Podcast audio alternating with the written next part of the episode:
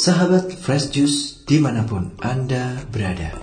Sesaat lagi kita akan mendengarkan Fresh Juice Senin 12 Juli 2021 Bersama Bapak Aji Suteja dari Surabaya. Selamat mendengarkan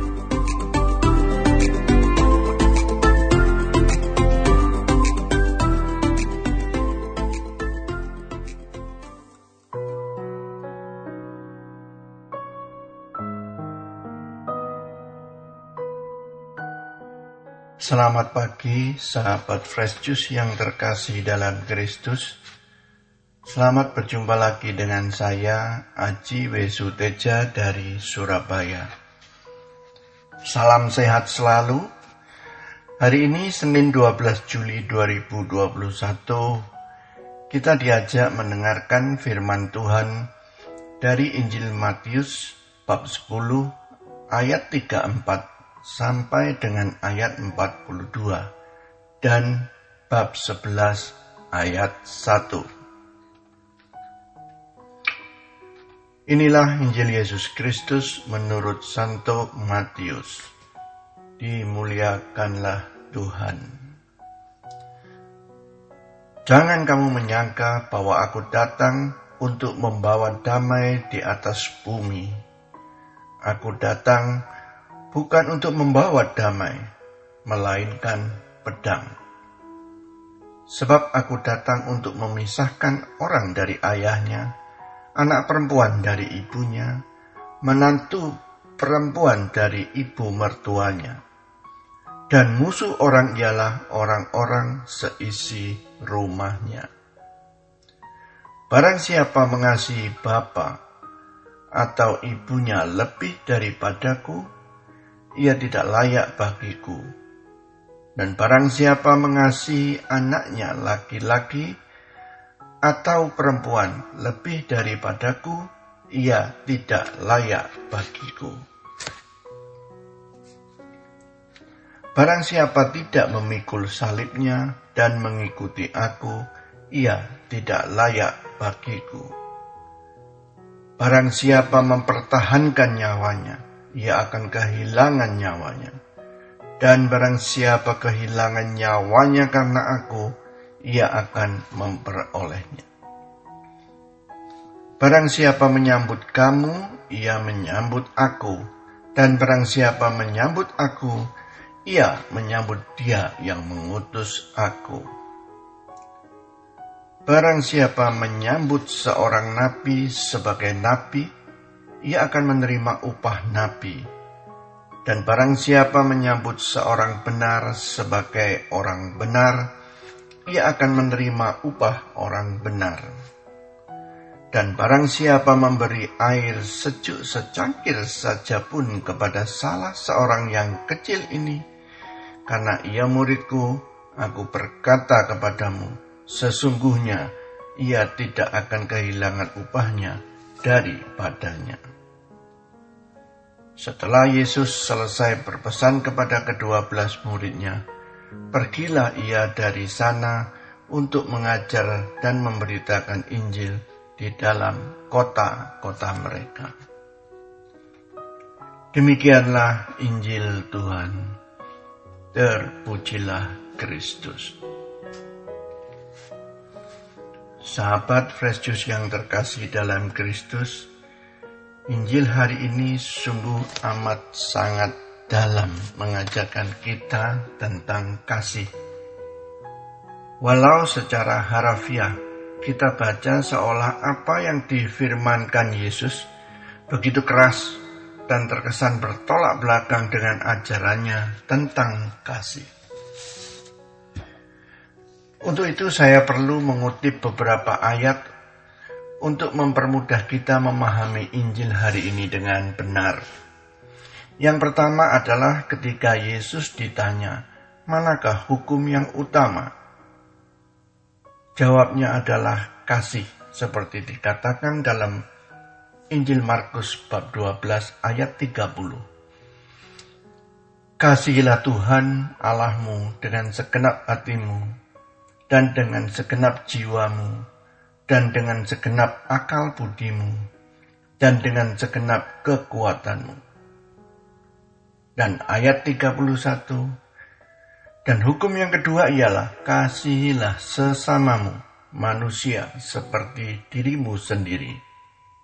Tidak ada hukum lain yang lebih utama daripada kedua hukum ini.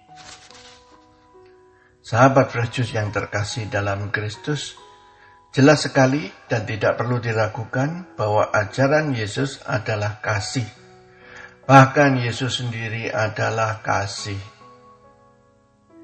Terus, kenapa Yesus mengatakan membawa pedang, memisahkan banyak hubungan antar keluarga dan seterusnya?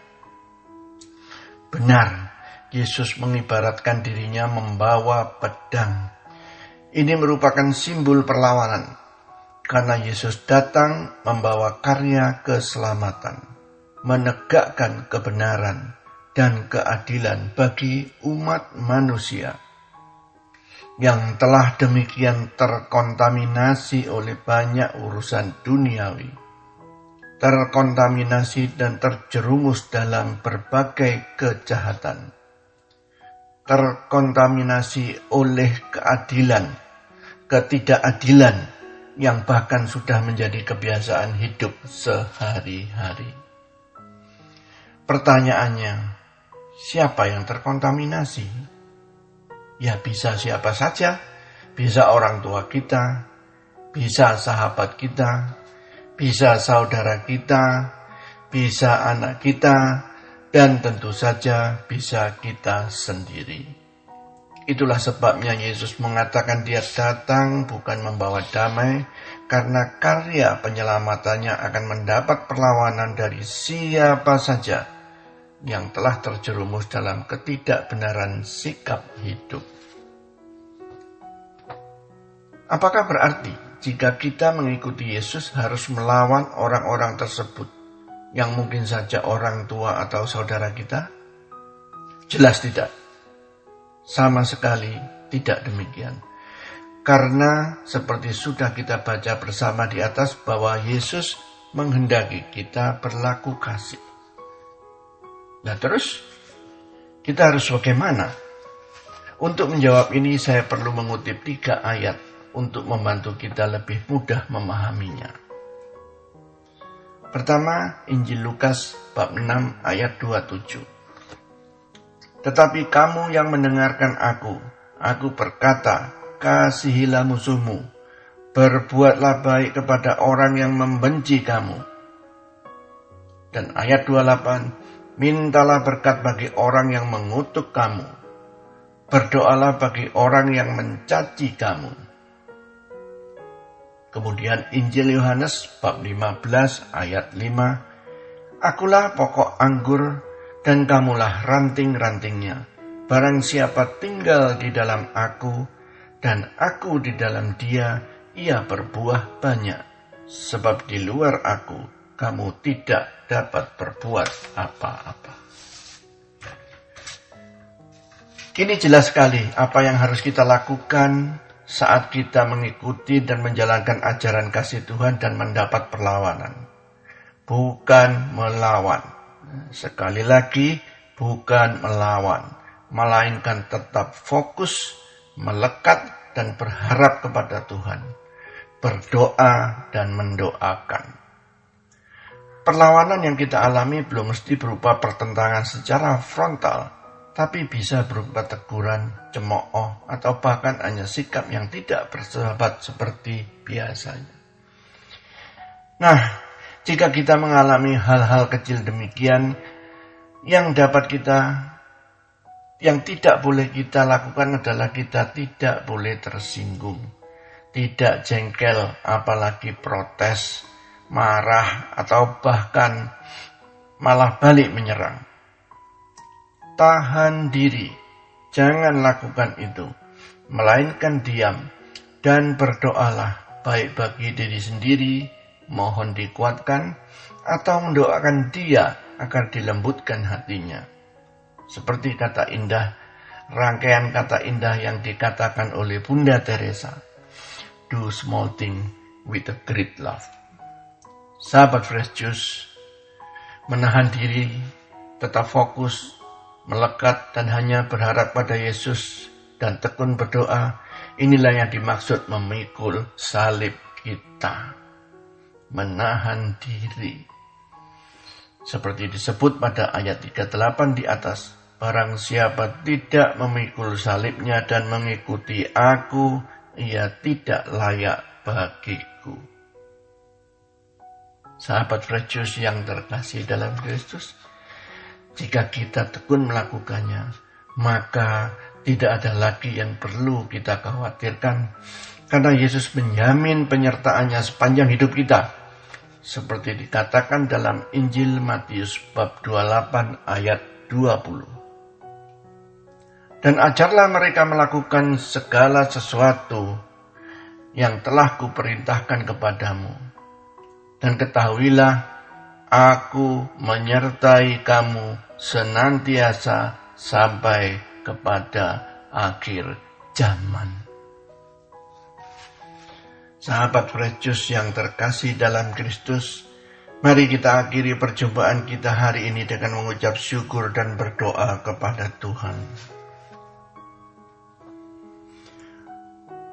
Bapa Surgawi, terima kasih atas rahmatmu sehingga kami, saya, dan segenap sahabat Fresh Juice di mana pun berada bisa memperoleh kesehatan dan keselamatan dan bersama-sama mendengarkan firman Tuhan pagi ini.